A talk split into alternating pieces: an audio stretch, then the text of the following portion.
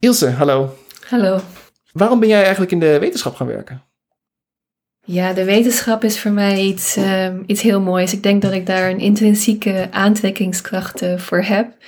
Mhm. Ehm, het gaat heel erg om dingen ontdekken, om een bepaalde nieuwsgierigheid die ik heb over de wereld, om die uit te kunnen pluizen. Om daar de tijd en de ruimte eh, te voor, eh, voor te krijgen en ook om ja, je te verdwijnen als het ware in, in boeken, in theorieën, in ideeën, om het daar met mensen over te hebben, eh, met studenten, om daar zelf over te schrijven en dingen te ontwikkelen. Ehm, dat heb ik eigenlijk al vanaf ja, kind zijnde, dat ik me tot de wereld van de ideeën ehm, heel erg aangetrokken heb gevoeld. Hmm. Ja, en dat de wetenschap een manier is om te ontdekken hoe de wereld werkt en om ook om daar verandering in aan te brengen. Hè? Er is altijd, bij mij in ieder geval, een hele diepe wens geweest om onrechtvaardigheden aan te kaarten. Om eh, ja, van die wereld zoals die is, zoals je hem leert kennen, om daar iets beters van te maken, iets mooiers. Ja, ja zeker. En uh, Annelot, hoezo ben jij uh, wetenschapper geworden en niet iets, niet iets anders?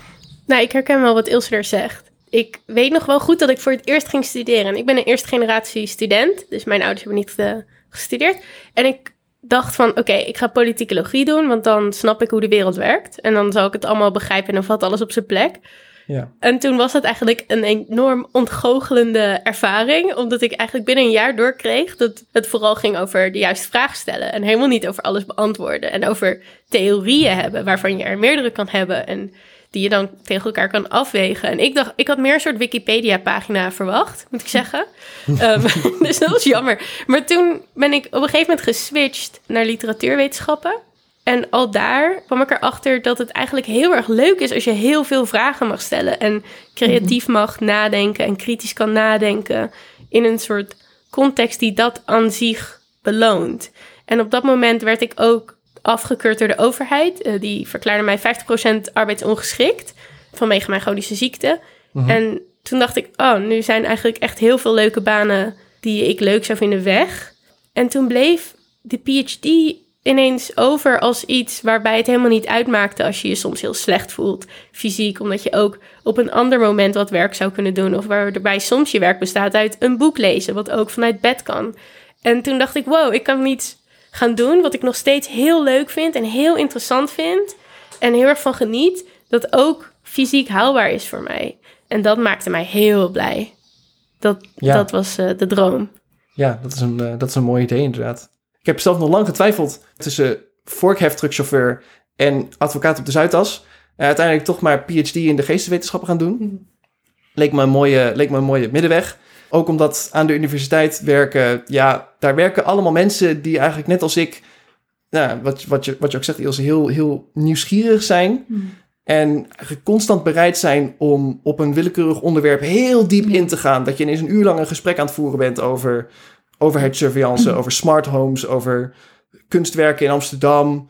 Echt de meest uiteenlopende onderwerpen. Ook omdat de mensen die daar zitten natuurlijk de meest uiteenlopende onderwerpen onderzoeken zelf. En je daar heel graag over vertellen. Dus het is gewoon heel leuk om daar met dat soort mensen te zijn. Maar het is ook zo dat, dat, dat ik wel merk dat de wetenschap echt een van de weinige plekken in de samenleving is waar je die samenleving nog echt serieus kunt bevragen. Ja.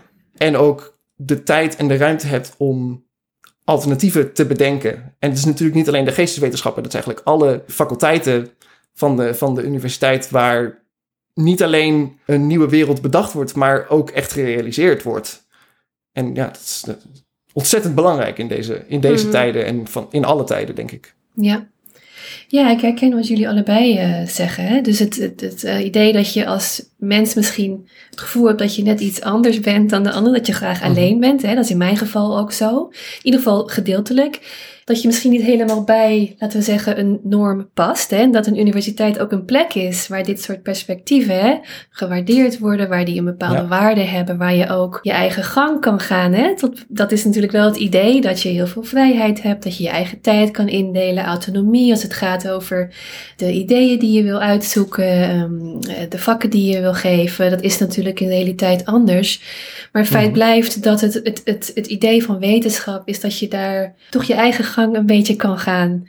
Dat het een plek is voor mensen die ook elders misschien niet helemaal passen. En dat, dat, dat mag ik wel. Dat gevoel had ik zelf ook altijd. Precies. Ja, en Dat is eigenlijk iets wat je, wat je iedereen zou gunnen. Hè? Dat, dat, Ja. dat een werkplek een plek is waar ze zichzelf, zichzelf kunnen zijn. Dat is een mooi idee. Het is een mooi, kijk, het is een mooi idee. En daar zullen we het zo nog ook wel over hebben. Dat het idee van de wetenschap natuurlijk steeds meer haak staat op de werkelijkheid. Hè? En van hoe die Ja. nu is.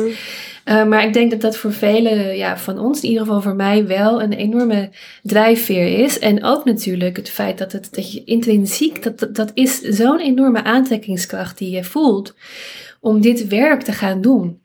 Ja, dat is natuurlijk ook een, iets wat later tegen je kan worden gebruikt. Want het is natuurlijk een passie die je hebt. Mhm. En ja, dat je dan maar blij mag zijn dat je dit werk überhaupt mag doen. Dat, dat is Ja, natuurlijk precies. ook iets wat dan eh, later ter sprake komt. Maar ik denk dat heel veel mensen echt een innerlijke drijf hebben, een motivatie om dit eh, te doen. Ik weet nog heel goed de allereerste dag dat ik naar mijn PhD ging. Ik denk dat dit een van de allergelukkigste dagen van mijn Ja. leven was. Ja, Ehm, ik herinner me het als echt een fysiek gevoel van een soort duizeligheid en spanning en zo blij. En ik, ik zei op dat moment tegen mijn vrienden van, ik denk dat dit is hoe andere mensen hun trouwdag ervaren. Ehm, ik, ik, weet je, Ja. dit, ik ben er ineens en ik mag hier zijn en we gaan een verbindenis aan die inderdaad een plek maakt voor mijn intrinsieke verlangen naar dit doen en, en mijn enthousiasme en mijn Ja. obsessieve natuur, die eigenlijk in zoveel andere Ja. contexten irritant is, ja. maar hier echt omarmd werd. Ja, precies. Nou, en over dus de mooie idealen van wat de wetenschap zou moeten en kunnen zijn, vergeleken met de werkelijkheid. Dat is waar deze aflevering vandaag over gaat. Dat gezegd hebbende, luisteraar, welkom bij Het Redelijke Midden. De podcast waarin een stel streberige nerds je komt vertellen dat het oké is om een zesjesstudent te zijn. Ik ben Dennis en ik zit hier vandaag met Annelot en onze speciale gast, Ilse Lazaroms, docent genderstudies aan de Universiteit Utrecht. Dit seizoen halen we elke aflevering een hardnekkige mythe aan in onze politiek of cultuur. Mythes die zo alomtegenwoordig zijn dat ze de linkse verbeeldingskracht verstikken. We ontmaskeren de onzin achter die mythes en zetten er een ander denkbeeld tegenover. En de mythe van deze aflevering is: wat er op de universiteit gebeurt, heeft niets te maken met het echte leven. Dat is een idee dat eigenlijk aan beide kanten van het politieke spectrum nog wel leeft. De universiteit als ivoren toren. Als je daar werkt, dan leef je in een bubbel, losgezongen van de werkelijkheid, door privilege en academische arrogantie. Volgens rechts hebben die mensen daar geen idee wat er leeft bij de denkbeeldige, gewone, hardwerkende Nederlander. En sommigen op links, die zeggen liever dat academici vervreemd van de arbeidersklasse zijn. En ja, in de wetenschap werken is in zekere zin een behoorlijk voorrecht. Maar er is juist op de universiteit ook een klassenstrijd gaande. Vooral docenten en promovendi krijgen daar te maken met uitzichtloze tijdelijke contracten, onbetaald overwerk en andere vormen van uitbuiting. Jonge, veelbelovende wetenschappers verlaten in grote getalen de universiteit, vaak totaal opgebrand en getraumatiseerd. Hierover klagen levert meestal alleen maar meer problemen op. Je krijgt dan al gauw een reputatie als een lastpost en intimidatie door leidinggevenden met als doel je de mond te snoeren is aan de orde van de dag. En volgens de bestuurders en de managers van de universiteiten valt het eigenlijk allemaal wel mee. Hè? Zijn dit allemaal incidenten in plaats van structurele problemen? Of het kan gewoon niet anders. Het is nu eenmaal hoe de universiteit werkt, zeggen ze dan. Maar weet je, dat is, dat is onzin. Een universiteit die haar werknemers als grof vuil behandelt, werkt helemaal niet. Het kan zo niet langer en het moet anders. Daarom eisen actiegroepen als WO in Actie, Casual Academy en 0.7, waar ik zelf ook lid van ben, sinds twee jaar geleden betere arbeidsvoorwaarden, een eerlijk loopbaanperspectief en meer sociale veiligheid. Kortom, net als overal in de samenleving is daar op de universiteit een sterke linkse emancipatiebeweging nodig. En om dat nog maar eens duidelijk te maken dat dat inderdaad zo nodig is, hebben we het in deze aflevering met Ilse over hoe het is om in de wetenschap te werken, waarom de universiteit is zoals die nu is en wat er precies moet gebeuren om deze verstikkende situatie open te breken. Maar eerst nog even een belangrijke boodschap. Geef ons geld. Als je deze podcast nou echt heel leuk vindt en je afvraagt: hoe kom ik bij de bonusafleveringen, de maandelijkse livestreams, de Discord-server vol met memes en kattenplaatjes? Nou, dit kan makkelijk. Vanaf slechts 3 euro per maand krijg je dit allemaal, plus onze eeuwige dankbaarheid. Ga daarvoor naar vriendvandeshow.nl/slash hrm. En minstens zo belangrijk, vergeet ook niet je linkse vrienden, familie en collega's te vertellen over onze podcast. Like, subscribe en deel. Maak van je kennis een kameraad. Alvast bedankt. Oké. Ilse, nou, we hebben je vandaag uitgenodigd omdat jij recentelijk een heel mooi essay hebt geschreven voor uh, de Nederlandse Boekengids, genaamd Niets Persoonlijks. Over hoe het is om aan de universiteit te werken als alleenstaande moeder en waar je dan tegenaan loopt en waarom dat zo naar kan zijn. En ja, wat voor gevolgen dat heeft voor de universiteit als een maatschappelijk instituut dat verantwoordelijkheden heeft naar haar werknemers en naar de samenleving in het geheel. En nou ja, ik moet zelf zeggen dat ik gebaseerd op heel veel verhalen die ik zelf heb gehoord en wat ik zelf ook een beetje heb meegemaakt, als iemand die al wel een tijdje meedraait aan de universiteit, dat het echt wel op bepaalde momenten dat ik, ik zat het in de trein te lezen en ik zat echt zo van, oké, ik ga niet huilen in de trein. Oh, Ik heb een mondkapje op. mhm. Het, het mondkapje moet droog blijven. Ik ga niet huilen in de trein. En dat, dat, was wel even, dat was wel even moeilijk, Wauw. moet ik zeggen. Ja. Eigenlijk, dus eigenlijk wil ik, beginnen met de vraag: waarom, waarom heb je dit essay geschreven? Ja. En waarom is het zo mooi? ja. waarom is het zo'n mooi Ah, essay? nou, dankjewel voor je mooie woorden. En, en ja, bijzonder dat het je raakt. Ik denk dat, dat dat komt omdat het een heel persoonlijk verhaal is en een heel Hmm. doorleefd verhaal. Ik ben met dit essay begonnen nou ja, in december vorig jaar, toen ik eigenlijk met, eh, met ziekteverlof ging. Ik loop al heel lang rond met het idee, ik wil hier iets over zeggen. Ik ben inmiddels bijna twintig jaar wetenschapper. Ik heb heel veel gereisd, heel veel meegemaakt. En sinds drie jaar als docent ehm, bij de Unie Utrecht aangesteld. En daar zoveel meegemaakt, daar zoveel gezien. Ik ben ook schrijver, eh, dus ik, dat is eigenlijk mijn manier om dingen te duiden. En in ja, het afgelopen half jaar heb ik eh, aan dit essay gewerkt in samenwerking met uitgeverij Het Moed. Zij geven hele urgente stukken uit. En toen ik met verlof ging, postte ik daar iets over. En Elte Rauch van Het Moed zei, hier zit een mammoetje in. Hier zit iets urgents in. En toen dacht ik, je hebt gelijk. Dit is wat ik moet gaan uitpluizen. En mijn manier om dat te doen om kritiek te leveren op dingen die groter zijn dan mijzelf, is dat om dat te doen door, door het filter van mijn eigen ervaring. En dat heb ik gedaan, eh, geprobeerd te doen in dit essay Niets Persoonlijks, wat natuurlijk een hele mooie titel is voor een Ja. essay dat gaat over dingen die juist heel persoonlijk zijn, maar die buiten de universiteit worden geplaatst.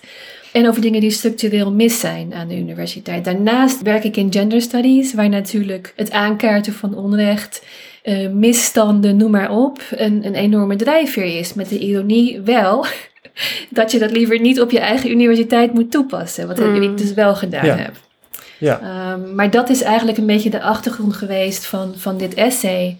Met een hoop slapeloze nachten over moet ik dit nou wel of niet doen. Ehm, hè, de gevolgen voor je eigen carrière. Maar goed, dat, eh, dat is een ander vraagstuk. Maar ik heb het wel gedaan. Ja, en dankjewel eigenlijk. Het is echt, ik denk dat, ik denk dat heel veel mensen zich zo voelden zoals ik me voelde en zoals jij je voelt. Maar oké, je, hebt het, eh, je zei het al een beetje over de, de mogelijke gevolgen. Maar misschien eerst wat algemener. Wat waren eigenlijk de reacties die je kreeg op het, op het essay? Ja, het grappige was, van tevoren heb ik me daar erg ja, toch wel nerveus over gemaakt. Hè? Je neemt een bepaald risico. Je, je deelt iets met de wereld over jezelf. Je maakt jezelf heel kwetsbaar. Niet per Ja. se omdat je dat zo graag wilt, maar omdat je daar. Dat is de enige manier om tot een bepaalde waarheid en kritiek te komen. Hè? In, in mijn geval. Toen het eenmaal verscheen, eh, nu op eh, 1 juni, hè, jongstleden, dacht ik: oké, dit is het. We gaan het, we gaan het zien. En ik ben eigenlijk totaal overdonderd en enorm dankbaar voor alle reacties die ik heb gekregen. Het is zo vaak gedeeld eh, op social media. Het is zo enorm veel gelezen. Heel veel bijval ehm, van inderdaad collega's, mensen, vreemden die ook aan de Unie werken en, en zichzelf daarin herkenden. Mensen die zeggen: Ja, ik durf voor het eerst mijn eigen verhaal te delen. Dank je wel dat je dit eh, ja, geschreven hebt. Veel herkenning ja, d- daar ben ik echt enorm blij, ehm, blij mee. Ja. En dat, ik denk dat dat het collectief, hè, dus zowel mij als auteur, maar ook mij als wetenschapper in een grotere groep van wetenschappers, die ook al jarenlang aan het strijden zijn, dat dat ons allen eh, sterker maakt, denk ik. En Mm. de enige stilte die ik heb eh, ervaren is van mijn eigen vakgroep hè, van, en ook van de Unie Utrecht. Daar heb ik nog niks eh, van gehoord. Maar alles daaromheen, heel veel steun ervaren en heel veel mooie reacties gekregen. Dat lijkt me wel lastig voor je eigenlijk, wat je net zelf ook zegt. Dat je heel lang hebt getwijfeld, moet ik dit nou wel of niet doen? En dan zo'n stilte. Ik kan me voorstellen dat dat ook juist weer heel erg inspeelt op juist de angsten en Ja. verdriet dat je beschrijft in het essay. Van, mag ik hier mens zijn? En Ja. dat je daar dus eigenlijk nog steeds niet echt een antwoord op hebt. Nee, nee, dat klopt. Kijk, ik, ik ben eh, de laatste zes, zeven maanden wel door een heel moeilijk proces gegaan. Hè? Je neemt niet zomaar eh, afscheid van de wetenschap. Je bent zo vervlochten met het werk wat je doet. Je identiteit is daar ook helemaal, ja, gaat er helemaal in op. En dat is wat het zo moeilijk maakt eh, als je leeft met inderdaad een tijdelijk contract. Hè? Ehm, ik heb heel vaak gevraagd eh, naar de mogelijkheden over mijn toekomst. Die was niet bespreekbaar. Eh, je gezondheid gaat eraan, je, je, je persoonlijke leven, eh, de vreugde die je hebt in het leven sowieso gaat kapot. Je bent totaal uitgeput. Maar weet je wat het mooie is? Dat het door het uitspreken van juist die angsten, hè, van pas ik er nog wel bij? Of heb ik nog wel een toekomst? Of ben ik wel goed genoeg? Juist door dit essay te, te schrijven, zijn al die dingen bevestigd op een, ja, op een andere manier bij, bij een andere gemeenschap. Ja. Wat me ook heel veel heeft gegeven. Maar natuurlijk, ja, ik, ik, ik denk dan, ik vraag me wel af. Wat zouden mijn directe collega's hiervan vinden? Wat zou de UU hiervan vinden? Ja. Waarom eh, krijg ik geen eh, antwoord? Dat getuigt niet echt van solidariteit. Zeker vanaf je, vanuit je collega's niet. Dat je niet iets van ze hoort. Al was het maar een erkenning dat je het gedaan hebt. Ja, dat is heel bijzonder. En natuurlijk eigenlijk extra, extra schrijnend is het natuurlijk wel bij een vakgroep genderstudies. Hè? Ja. Waar dit natuurlijk een, een ja, niet alleen maar moederschap of, of, of zaken die hè, eh, het, het politiek maken van het, van het persoonlijke. Hè? Dat is natuurlijk Ja.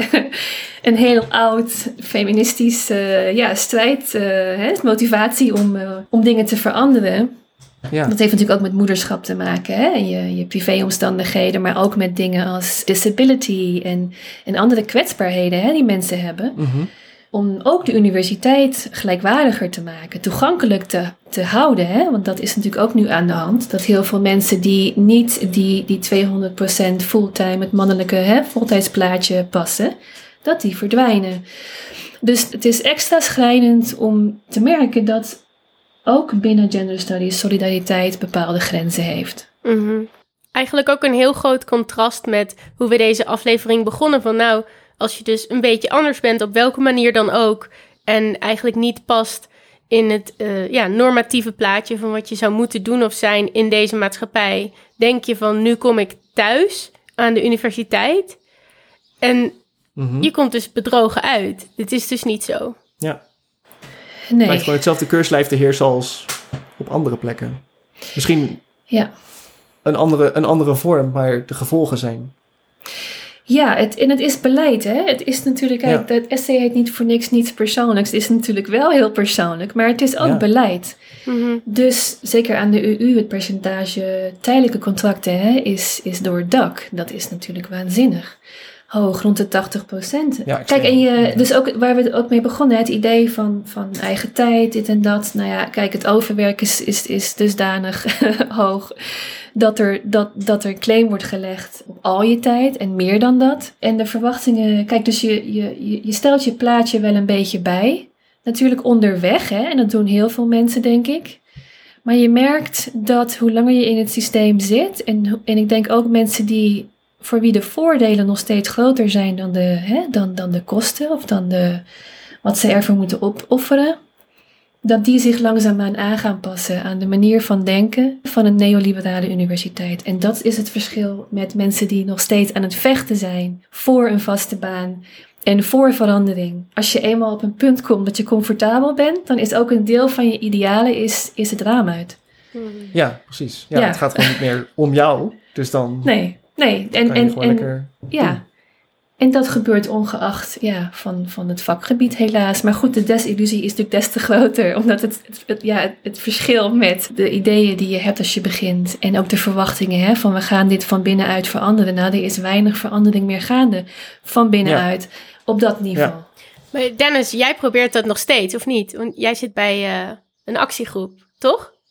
Ja, bij actiegroep 0.7 zijn we inderdaad nog steeds bezig met het eigenlijk op allerlei manieren proberen te veranderen. Heel veel van ons zijn dan ook inderdaad mensen die eigenlijk nog heel erg aan het begin van hun academische carrière staan. Dus die nog denken van, weet je wel, dit, dit is niet een plek waar ik wil werken. Laten we het veranderen. Maar tegelijkertijd zijn het overgrote deel van onze leden... Ik ben een van de vier openbare leden. Mensen die met naam en toenaam geciteerd worden als mensen die lid zijn van 0.7. Dat is hoe de actiegroep heet. Een verwijzing overigens naar de contracten die je aan de Universiteit Utrecht krijgt als tijdelijk docent. Die zijn 0.7 FTE. Wat is een FTE? FTE is uh, fulltime employment. Dus als je 1.0 FTE bent, dan heb je een voltijdbaan van... Aan de universiteit is dat volgens mij 36 tot 38 uur. Maar mensen denken meestal aan de 40-urige werkweek. En 0.7 is dus ongeveer 3,5 dag. Hmm. Ja.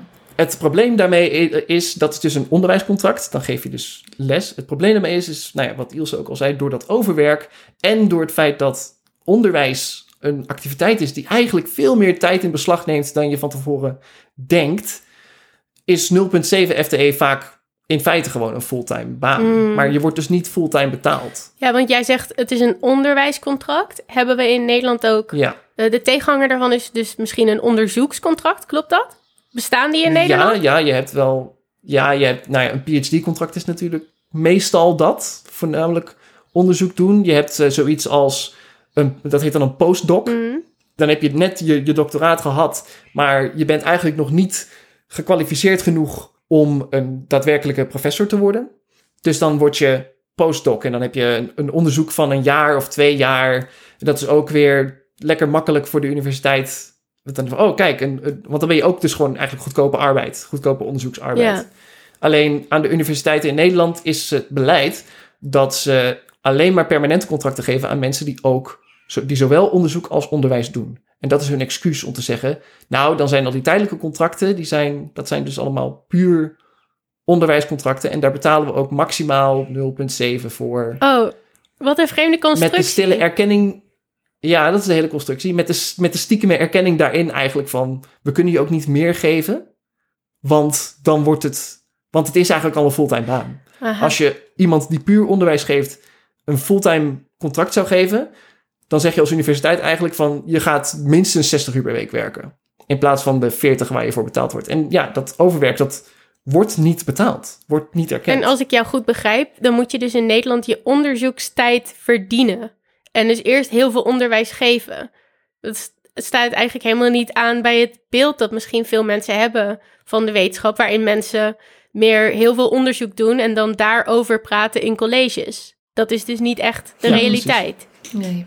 niet echt de realiteit inderdaad. En nu is het inderdaad wel zo dat onderwijs natuurlijk altijd in alle lagen van het onderwijs is veel tijdrovender dan we meestal denken dat het is. En dan betaald het wordt. is ook echt wel zo'n ja, en dat, en dat dan veel minder betaald wordt natuurlijk. Ik bedoel, het is geen wonder dat de leraren in het lagere onderwijs, middelbare schoolonderwijs en in het primair onderwijs, basisschoolonderwijs, dat die al echt, zeg maar, grote stakingen hebben gehad. Want ja, die worden ook ontzettend eh, uitgebuit, terwijl hun werk ontzettend waardevol is. En je moet dan tegelijkertijd ook nog vechten. We hebben natuurlijk binnen de universiteit ontzettende problemen met, met erkenning.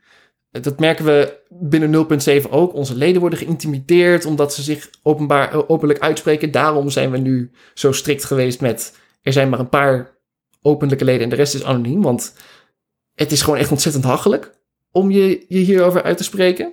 Dan word je bij je leidinggevende of je begeleider geroepen... en die zegt dan even in no uncertain terms... bek houden Hmm. Ja. tegen je eigenlijk. Als je nog een carrière wilt. Wat doet dat met de academische vrijheid dan? Want dan kan je dus niet vrij spreken. Dan kan je dus niet vrij spreken. Het is, eh, we zijn natuurlijk bastionen van de vrijheid, eh, d- eh, de Nederlandse universiteiten. Maar als je een keer, nou ja, Ilse zegt het ook al, dat je, je krijgt dus mensen die alleen maar anoniem of, of buiten sociale media om hun steun kunnen uitspreken. Omdat ze anders bang zijn dat misschien een collega of een leidinggevende ziet dat ze quote-unquote radicale ideeën hebben, zoals betaald worden voor het werk dat je daadwerkelijk doet. Ja, nou ja, het is, het is een hele cultuur geworden. Hè? Dit is Ja. natuurlijk het probleem. Dat natuurlijk alle bezuinigingen, et cetera. Maar, maar deze banen zijn zo schaars geworden. Hè? En er zijn natuurlijk ook heel, veel meer PhD's dan, dan banen uiteindelijk. Dus daar Ja. begint het al mee. Maar het feit dat de hoop is natuurlijk, als jij het goed genoeg doet, die vier jaar, of die hoeveel jaar je dan ook hebt, hè, maar zo'n 0,7 contract is vaak of steeds vaker voor vier jaar. En dat is ook wel het, het einde daarvan dan.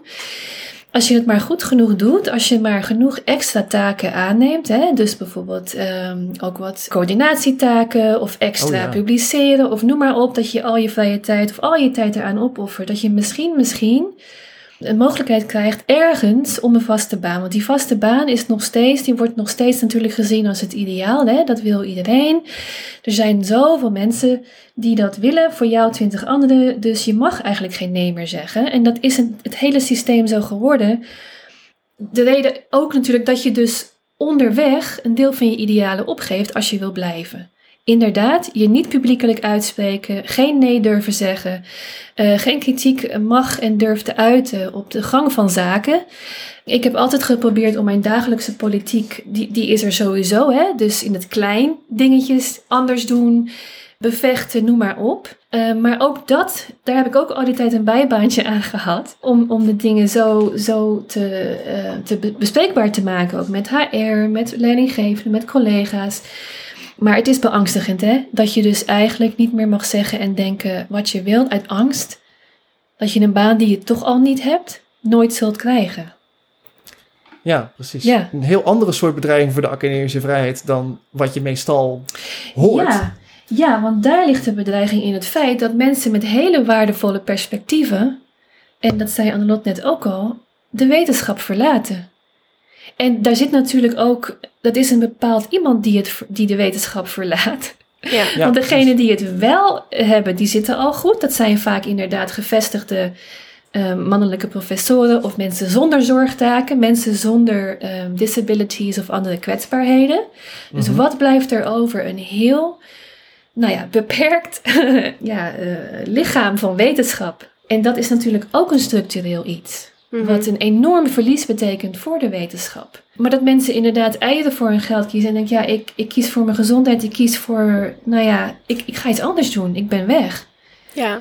En het is, Ehm, eh, en dat is heel ernstig. Ja, Ja. ik vind dat ook. En ik zie dat ook heel erg in de zin van... het gaat over mensen die zich niet die onzekere contracten... tijdelijke contracten kunnen veroorloven. Maar het gaat ook over mensen Ja. die dus inderdaad anders zijn... en bijvoorbeeld misschien wel eens zouden, het zouden willen hebben over... goh, er werken hier niet zoveel vrouwen... of waarom werkt hier niemand van kleur? Of ja, Ja. wat doen wij hier in dit departement voor transrechten bijvoorbeeld? En wat ik zelf merk is dat die constante strijd die je toch meestal voert met oudere witte mannen, die eigenlijk steeds maar weer bezig zijn met, ja, maar dit is niet relevant voor wat we hier doen en waarom begin je hierover? Waarom moeten wij een gedragsregelsdocument hebben? Waarom zouden we dat doen? Dit is Ja. niet ons echte werk. En ik merk dus ook dat, eh, zeker bij mensen van kleur en vrouwen, dit ook een reden is om er niet meer te willen werken. Omdat je dood en dood moe wordt van constant uitleggen dat je constant in de minderheid bent en je plek niet voelt. En er geen ruimte is om zorgtaken te combineren of om te kunnen zeggen: hier zit iets geïnstitutionaliseerd dat ongelijkheid veroorzaakt in ons departement. Ja. Waarom zijn we Ja. altijd met de Nou vrouwen de koffiekopjes aan het afwassen na de vergadering? Waarom vraag je altijd mij om te notuleren? ja, dat soort kleine dingen, daar zit het inderdaad in, hè? Waarom komen alle studenten naar mij toe met hun persoonlijke problemen, terwijl ik een PhD-student ben en jij hoogleraar? Mhm. Maar jij geen office hours doet. Ja, die extra arbeid, onbetaald, emotionele arbeid, natuurlijk. En ik denk, wat, wat Dennis, wat jij net zei over ja, die strijdvaardigheid hè, van die ja, iets jongere generatie eh, wetenschappers die, die zo graag eh, de dingen wil veranderen. Hè. Ik denk dat ik vijf jaar geleden bijvoorbeeld dit essay nooit had durven schrijven. Eh, het is echt een, een ehm, dat is het voordeel van iets ouder worden, van iets meer jezelf ook vinden in andere dingen. Hè? En juist, juist die, die, die connectie met de wereld buiten, hè? tussen aanhalingstekens de universiteit, wil behouden. Die band met wat is de functie van een universiteit in onze maatschappij? Wat doen we hier nou eigenlijk? Hè? En wie kan zich nog permitteren inderdaad om wetenschapper te zijn, om de wetenschap in te gaan? En wat betekent dat voor het grotere plaatje? Dus ik, ik ben niet meer bang voor het me uitspreken en jullie met 0,7 ook niet. Eh, maar er zijn heel veel mensen die dat nog steeds wel zijn. Ehm, en Ja. dat is denk ik ook een cultuur die we moeten proberen te doorbreken. Ja, precies. het, is ook, het is ook wel echt terecht dat ze bang zijn. Ja, zou ik, zeker. Zou ik, zeggen. ik heb zelf ontzettend mazzel eigenlijk. Toen we redelijk vroeg in het, in, het, in het hele proces hadden we dus een geval van iemand die zich openlijk voor 0.7 uitsprak en daardoor Ja. dus geïntimideerd Ja. werd. Toen zat ik zelf dus te twijfelen over van oké, wil ik eigenlijk wel openbaar lid zijn?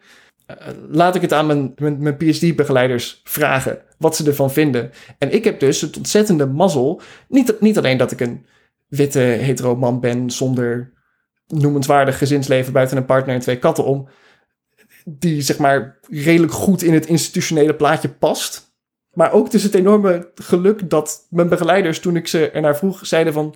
Nou, eh, één, wat heeft dat in hemelsnaam met ons te maken? Zelfs al zouden we het er niet mee eens zijn, dan mo- moet je doen wat je wil. En twee, helemaal goed, de universiteit is een klote werkgever.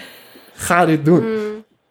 Ja, maar het is natuurlijk al best wel bijzonder dat je dat überhaupt hebt aandurven kaarten. Ik denk dat er heel veel mensen zijn die niet eens naar hun leidinggevende of naar hun begeleiders ja, zouden durven te stappen. Hè? Dus dat is natuurlijk ook wel, daar begint het al mee. Ja. Dat er heel veel wordt gesproken in de wandelgangen met elkaar onderling. Maar die stap naar, hè, naar, naar het überhaupt intern al aankaarten, die is denk ik ook al heel groot. ja. En gelukkig Ja. heb jij deze reactie gekregen. Maar inderdaad, wat je zegt, er zijn heel veel mensen die ook, nou ja, hele nare ervaringen hiermee hebben. Ja, die moeten dat echt niet eh, proberen. Nee. Overigens, mijn partner luistert en ik vind haar wel heel erg bijzonder noemenswaardig. en dat soort dingen. Ik bedoelde eigenlijk vooral, ik heb geen kinderen. Ja. ja. ja. Ehm, hey Ilse, ik vond het zo mooi hoe jij in je essay dit koppelt aan vreed optimisme. Eh, cruel optimism van Laurent Ja. Berland. En ik moest daar heel erg, ja, ik, ik denk daar vaak aan. Dat inderdaad die belofte van als je nou maar doorzet, dan kom je ergens. En hoe die eigenlijk constant groter, meer druk uitoefent. Omdat ook jouw eigen investering steeds groter wordt. En je dus steeds meer het gevaar loopt dat als het niet werkt, dat dat betekent dat je dus een stukje van jezelf kwijtraakt en verliest. En dat dat misschien wel afsterft. En die angst, die voel ik heel erg. Eh, ja, wat als het niet lukt en dan is er nergens meer een plekje voor mij waar ik al mijn vragen kan stellen. Ja, ja die, die angst die begrijp ik heel erg goed. Die heb ik ook zelf heel lang gevoeld. Heel soms voel ik hem nog steeds wel. Maar ik denk alleen, de wetenschap is, die drijft natuurlijk op het, ja, op het uitpluizen van een, ja, een detail van een detail van een detail. Je bent natuurlijk met een heel klein, nou niet een klein onderwerp, maar je bent heel specifiek. Je gaat heel erg de diepte in. Want Dennis, wat je ook al zei, dat is natuurlijk het mooie daaraan. Ja. En dat is misschien ook waar mensen denken dat het een wereldvreemde bezigheid is. Omdat je natuurlijk zo ja, op een specifiek moet ingaan op een onderwerp waar, waar anderen ook weer over schrijven. Waar je je moet inbedden voordat je wat kan zeggen, et cetera. Maar dat, dat, dat, en het feit dat je natuurlijk, dat er zoveel van je gevraagd wordt. Er zoveel extra werk, ehm, extra toewijding ook, die je ook natuurlijk intrinsiek al hebt, maar toch dat je denk ik wel eens vergeet dat er inderdaad, dat je ook nog andere dingen kan. Of dat je deze manier van denken en doen ook nog elders kan ontwikkelen en uitpluizen en ontplooien. En dat is natuurlijk wat het zo. eh, Het is een soort van tunnelvisie ook naar jezelf toe. Van het kan, dit kan ik alleen maar op deze plek, in deze omgeving. En dat is natuurlijk ook wat mensen binnen de wetenschap houdt. Omdat ze, zich, omdat ze bang zijn dat ze nergens anders kunnen werken. Een, een, een vooroordeel wat natuurlijk ook bestaat over academici. Hè? Want ja, die zijn wereldvreemd, die zijn te hoog opgeleid. Waar kan je je nou in godsnaam nog inzetten? Ja. Ja, ja, ja. ja, ja. Ehm, maar die passie en- is inderdaad heel verraderlijk. ja, dat, daar, dat heeft natuurlijk ook een schaduwkant. Waar ook heel veel angst en twijfel eh, bij komt kijken. Voor mij, ik heb altijd parallel aan mijn wetenschappelijke activiteiten. Ik heb heel veel redactiewerk gedaan. Ik heb geschreven. Allemaal intellectuele bezigheden. Maar wel ook buiten hè, de strakke muren van de Unie. En ik merk dat ik lesgeven heel erg leuk vind. Maar goed, dat zou ook elders kunnen. Ik merk dat ik schrijven heel erg leuk vind. Maar dat doe ik liever dan voor een iets breder publiek. dan voor de vijf mensen die mijn, die mijn, die mijn boek lezen, weet je. Over. Ja. Dus, dus ik, ik, ik ben. Maar ondanks dat is dat losweken van het idee. Nou, dat gaat met heel veel nachtzweten en tranen en, en onrust en anxiety gepaard. Dat is echt waar. En dat juist inderdaad die cruel optimism van ja, weet je, als je maar lang genoeg volhoudt. Ik bedoel, Ik heb ook heel vaak aan mezelf getwijfeld. Van, je bent dus blijkbaar niet goed genoeg. Hmm. Want anders had je die vaste baan wel gehad. Ik heb aan Harvard gezeten, ik heb maakt niet uit waar gezeten. En toch denk ik, ja nee, ja, blijkbaar ben ik dus toch niet goed genoeg. Ja, dan ben je fantastisch en dan ben je nog steeds niet goed genoeg. En dat, is, dat geldt niet alleen voor mij, dat geldt voor, eigenlijk voor ons allen. Hè? Dat, dat Ja. we op dit niveau ben je al natuurlijk goed genoeg. Je bent sowieso goed genoeg. Mhm. Alleen om, omdat dat zich vertaalt in zo'n hele exclusieve cultuur. En je moet er niet alleen maar goed voor zijn. Je moet er ook bepaalde levensomstandigheden voor hebben. Je moet er bepaalde fysieke, mentale capaciteiten voor hebben. Je moet zoveel opgeven. En dan misschien. Ja, en ik, ik zie ook, weet je, hoe, met hoeveel administratie en stress en gedoe zo'n baan komt. Dat ik me in de loop der tijd ook wel heb afgevraagd: is dat echt wat ik wil? Is dat echt nog wetenschap wat, wat hier aan de hand is? Het is een enorme organisatie die totaal uit het oog verliest waar het om gaat. Ik, het doet me denken aan het stuk van eh Suze Zelstra, die wij eerder te gast hadden eh, over haar boek De Voormoeders. En zij heeft een opinie in de Mare geschreven over waarom ze haar verloving met de universiteit verbrak. En dat kwam eigenlijk neer op wat jij ook zegt, Ilse, van ja, ik ga van tijdelijk contract naar tijdelijk contract. Ik wil dit niet. Op het moment dat ik een publieksboek wil schrijven waarbij ik kennis naar de bredere maatschappij vertaal, wordt dat eigenlijk bijna niet gewaardeerd. Maar dat is eigenlijk veel waardevoller. Dus ik ga dat doen. Ja. ja, dat is natuurlijk de tegenstrijdigheid. Hè? Je wil, ik wil in ieder geval nog steeds die, die band open houden naar de maatschappij waar je deel van uitmaakt. Die voor een groot deel jouw visie bepaalt op de dingen, jouw kijk. En een terugkoppeling maken hè, naar wat er in je colleges, in je, in je onderzoek afspeelt. Terug naar het publieke debat. En Mhm. Dat is natuurlijk ook. Het ironische is dat als jij een beursaanvraag doet, hè, of een eh, met NWO of zo, ja, dan is dit, die applicability is een enorm grote vraag. Maar in de praktijk, ja, weet je, wordt dat niet zo gewaardeerd. En dat Mhm. is natuurlijk Nee, heel schrijnend. Dat is heel erg Ja, zonde. Ja. Binnen, binnen een soort van een, een heel beperkt framework van, van impact Impact. is, ja. wordt, het, wordt het gewaardeerd. Maar dat is dan meestal inderdaad van heb je iets bijgedragen dat meetbaar is. Ja. Economische waarde is dat meestal eh, dingen. Weet je wel, dingen als, eh, nou ja, bij de exacte wetenschappen krijg je dat dan, heb je dan over dingen, van dingen die patent kunnen worden, bijvoorbeeld. En ja, bij de geesteswetenschappen wordt het dan wel vaak geframed als dingen als van, oh ja, je hebt populariserende stukken geschreven of een tentoonstelling gedaan of eh, een praatje gehouden voor een breed toegankelijk publiek of zo. Maar ja, dat is toch, het wordt lang niet zo erg daadwerkelijk gewaardeerd en vormgegeven als gewoon hoeveel publicaties heb je? Mhm. Hoe vaak ben je geciteerd? Zijn de evaluaties van je studenten allemaal wel goed? Los van het feit of die evaluaties daadwerkelijk meten of je een goede docent bent.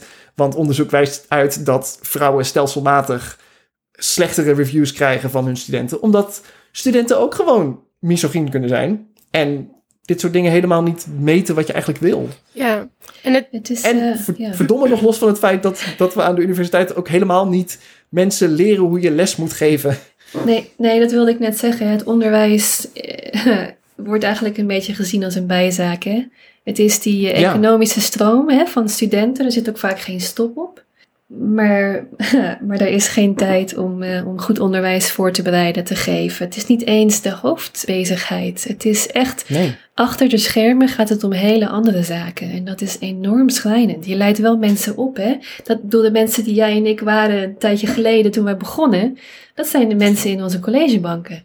mm, Met grote dromen en ideeën en, en behoeftes en interesses. Ja. Ja. En iedereen die, die, die één keer een fantastische docent gehad heeft, die weet hoe belangrijk zo'n persoon is. In je, hele, in je hele vorming. Ik kan zo een lijstje namen opnoemen van mensen die echt gewoon mij echt bepaald hebben als persoon, mm. Ja, eigenlijk. ja.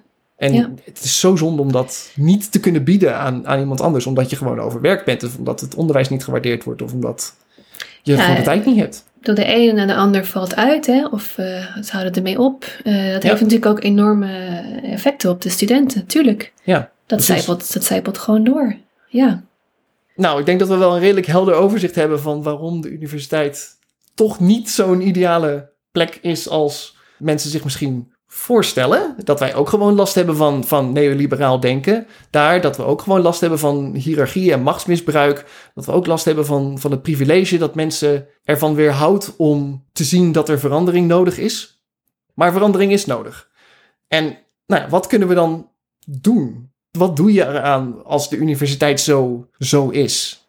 Wat zijn, je, wat zijn je opties? Ja, nou ja, zoals we net al zeiden, hè, vanwege die cultuur van angst en je niet durven uitspreken, zijn die opties om te beginnen heel klein. Dat zijn natuurlijk, daar moet je sowieso al een stap voor nemen om het aan te durven kaarten. Dat is één.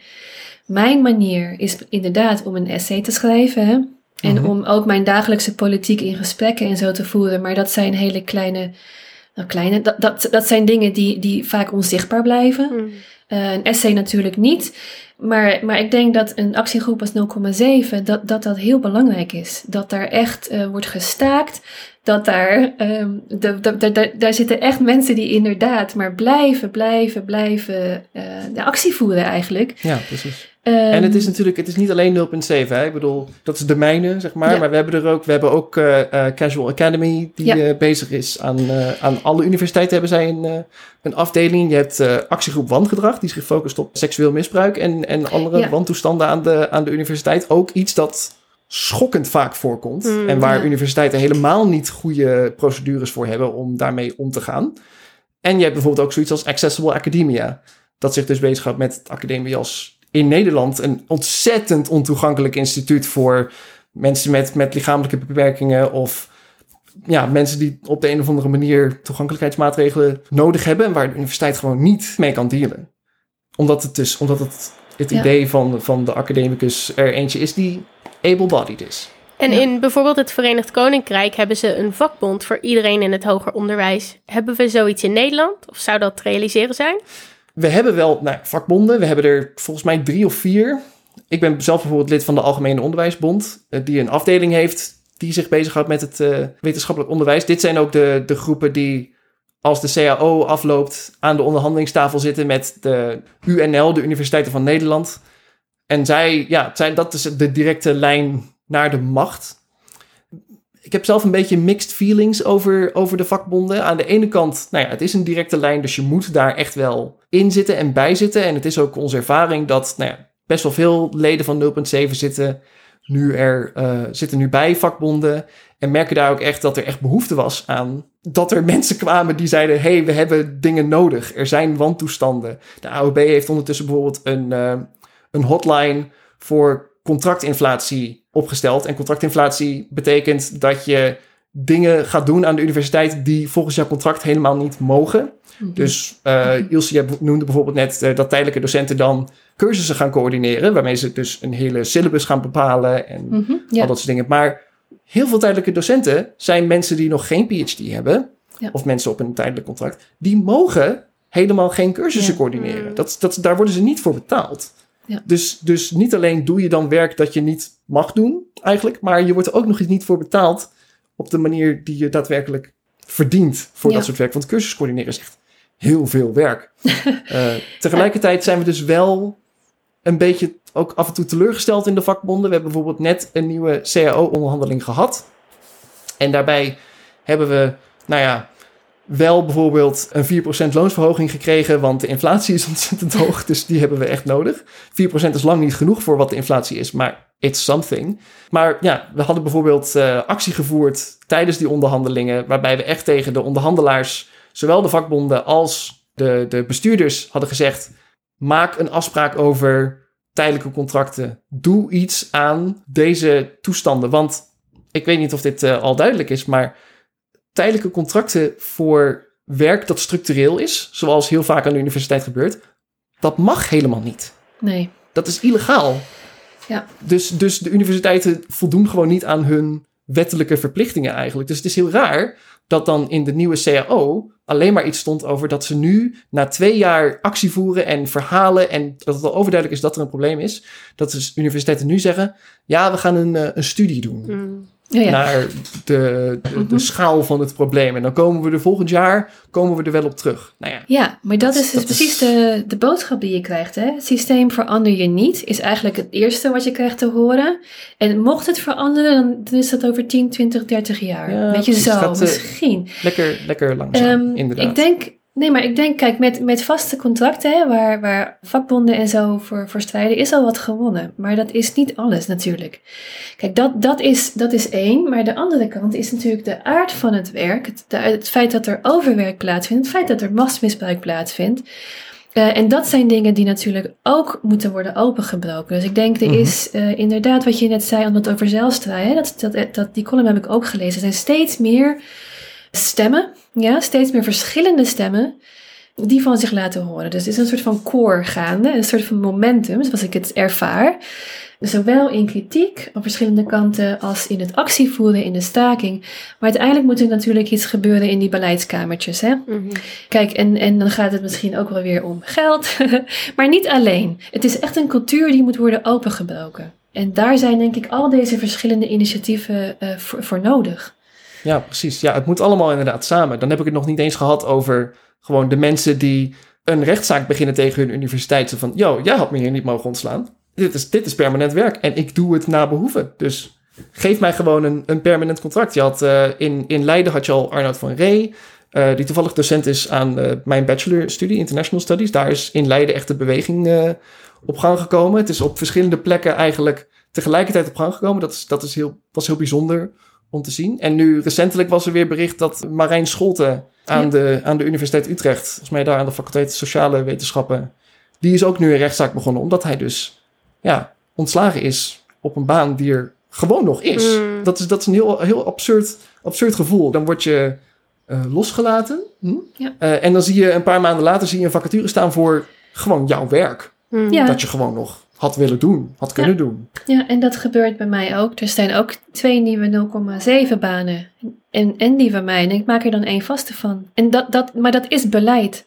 En Ja. daar, daar breek je tot nog toe niet doorheen. Waarom dat zo is, ook in, in gesprekken met hè, je leidinggevende of met, eh, met het team. Dat, daar kom je dus, in ieder geval in mijn ervaring, persoonlijk niet doorheen. En dat is natuurlijk wel heel erg. ja, ik vind het een beetje angstaanjagend, moet ik eerst zeggen. Hè? Ja, dat dat, dat, dat dat, zo sterk is eh, ingesleten. Eh, Ja. Ja. En daarom is collectieve actie natuurlijk nodig. ja, precies. En een rechtszaak en staken. Ja, Precies. Er, er is inderdaad ook wel wat beweging. Hè? Ik bedoel, de, het is al wel heel veelzeggend dat er überhaupt in de CAO bijvoorbeeld wel iets, iets staat over tijdelijke contracten. Het is een Ja. agendapunt. Ze hebben het erover. Ze moeten het erover hebben. Want wij staan gewoon voor hun deur te schreeuwen. Mhm. ja. Dus ze hebben niet echt een andere keus. Want ja, wat is de volgende stap? Staken. En dat gebeurde bijvoorbeeld al aan de Universiteit van Amsterdam. Daar staakten negen departementen in de geesteswetenschappen. Of tenminste, dat heet dan een nakijkstaking. Dus je doet wel je onderwijs staken. Maar wat de studenten inleveren, dat kijk je niet na. Waardoor studenten dus niet kunnen doorstromen naar allerlei dingen. Het is echt een. Het eh, resoneert door in allerlei andere onderdelen van de, van de universiteit. Daardoor heeft nu niet alleen de UVA haar contractbeleid veranderd. Om te zorgen dat tijdelijke contracten ook fulltime kunnen zijn. Tijdelijke onderwijscontracten kunnen nu daar ook fulltime zijn. En zijn standaard vier jaar. Dat is in elk geval het officiële beleid. Je merkte daar overigens al dat er op dan het facultair en departementsniveau wat gemoor over was. Want dat was dan ineens moeilijk, moeilijk, moeilijk. En dan moet je al die mensen ineens gaan behouden en zo. Dat is raar. Maar het gaat uitgevoerd worden als het goed is. Maar je merkt ook dat er op andere universiteiten dan ook dus gesprekken ga- gaande zijn over... Oh, eh, dat moeten we hier niet willen hebben, toch? Een nakijkstaking. Dus we moeten wel eventjes aan ons aan gaan passen. Dus we hebben ze, eh, we hebben ze bij de lurven nu. Eh, oh, en nog even voor de duidelijkheid. Ik zeg dus, de studenten lijden hieronder en daarom is het goed. Maar uiteindelijk is dit voor de studenten ook goed, hè? Als wij goede werkomstandigheden hebben, als wij een goede CAO hebben en we worden betaald voor het werk dat we, al, dat we eigenlijk al doen of dat we graag willen doen voor onze studenten. Want we houden van onze studenten en we hebben passie voor dit werk. Als wij dan daadwerkelijk daarvoor betaald krijgen en niet overspannen zijn en niet bedreigd worden en niet geïntimideerd worden, dan komt dat alleen maar de onderwijskwaliteit waar de studenten naar verlangen en waar ze, die ze verdienen en waar ze voor betalen, komt dat gewoon ontzettend ten goede. Dus ook Ja. studenten moeten eigenlijk dit eh, willen. En ik hoop ook dat, dat studenten dit inzien, dat wanneer dan toch binnenkort de nationale universitaire stakingen eraan zitten komen, met niet alleen maar eh, mensen op tijdelijke contracten, maar hopelijk ook mensen die al een vast contract aan de universiteit hebben, dat de studenten dan ook naast ons staan. Ja, Het hele Ja. hoger onderwijs legt het werk neer en zegt permanent contracts now. Mhm. ja. Ja, ja, dat heb je heel mooi gezegd. Want die, weet je, die verdieping die wij, die van ons gevraagd wordt en die ook nodig is voor goed onderwijs, die, die is niet mogelijk met tijdelijke contracten, Nee. eh, met uitbuiting en overwerk en wegwerkpolitiek. En mijn studenten lijden daar ook onder, persoonlijk, onder dat hele beleid. Dus ja, ik, ik sta helemaal achter deze oproep tot eh, de algemene, algemene staking. Absoluut. Nou, dan moet het gewoon gaan gebeuren, denk ik. De grote Ja. droom van deze podcast. De nationale staking. Ja. ja, want inderdaad, niet alleen maar in het, in het onderwijs. Hè. De, de, de situatie Ja. is overal ontzettend kloten. Ja. En een algemene staking lijkt me een ontzettend goed begin voor een oplossing. Ja. Volgens mij komen we een beetje bij het einde van de aflevering. Dat en klopt. dat betekent dat het tijd is voor het redelijke midden van deze week. En deze week komt dat van Eleonora. Bedankt voor je gratis werk, Eleonora. Het redelijke midden van deze week is: we ontvangen alle toekomstige Franse arbeidsmigranten met open armen, zolang ze maar een guillotine meenemen. Mooi. En nou, we ontvingen deze week eh, meerdere hele goede inzendingen. Dus we hebben ook een tweede redelijke midden deze week. Waarom ook niet? En dat komt van Arthur. Ook jij hartstikke bedankt voor je gratis werk. Het tweede redelijke midden van deze week is... PvdA'ers die GroenLinks te radicaal vinden... kunnen na de fusie terecht bij 50PLUS. Daar zitten namelijk nog meer oude witte mannen... die niet willen toegeven dat ze rechts zijn. Oh, ik vind het echt weer zo mooi laten zien hoe leuk onze Discord is. Toch, Dennis? Iedereen moet bij de Ja. Discord. Onze, onze Discord. Onze Discord is Ja, fantastisch. word vriend Kom van maar de show. Het kost maar 3 euro per maand. Ja. vriendvandeshow.nl slash hrm. Nou, bij deze, dat was het weer voor deze aflevering. Luisteraar, ontzettend bedankt dat je er was, dat je ons aangezet hebt, dat je op play gedrukt hebt en niet daarna gestopt bent, want anders was je niet hier en hoorde je dit nu niet. Al onze bronnen die we vandaag genoemd hebben, die kun je terugvinden in de show notes op de website, hetredelijkemidden.nl. Mocht je nou bijzonder genoten hebben van de aflevering, deel hem dan ook met je geliefden, je vrienden, je familie, je collega's en je kameraden. En je kunt ons, zoals we zeiden, steunen op vriendvandeshow.nl slash hrm. Eh, volg ons ook op Twitter en Instagram. Daar zijn we redelijke midden. Vragen, complimentjes, memes of ideeën voor nieuwe afleveringen kun je ons sturen via de mail hetredelijkemidden@gmail.com. Je kunt Ilse volgen op sociale media. Het, op Twitter volgens mij zit jij. Als, eh, ben je gewoon Ilse? Ik ben, eh, Ilse ik ben op? Twitter en op Instagram als Ilse Josefa. Ilse Josefa. Annelot kun je op Twitter en Instagram volgen, at Leonard Spion. En mij volg je op Twitter en Mastodon, at NeoLudification. Veel plezier met dat leren spellen. Als je niet weet hoe je dat spelt, het staat ook in de account bio van onze podcast. Hartelijk bedankt voor het luisteren en tot volgende keer. Doei doei! Doei! Doei doeg!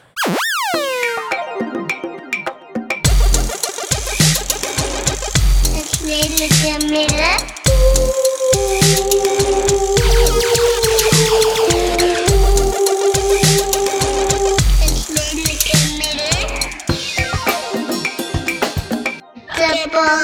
Podcast.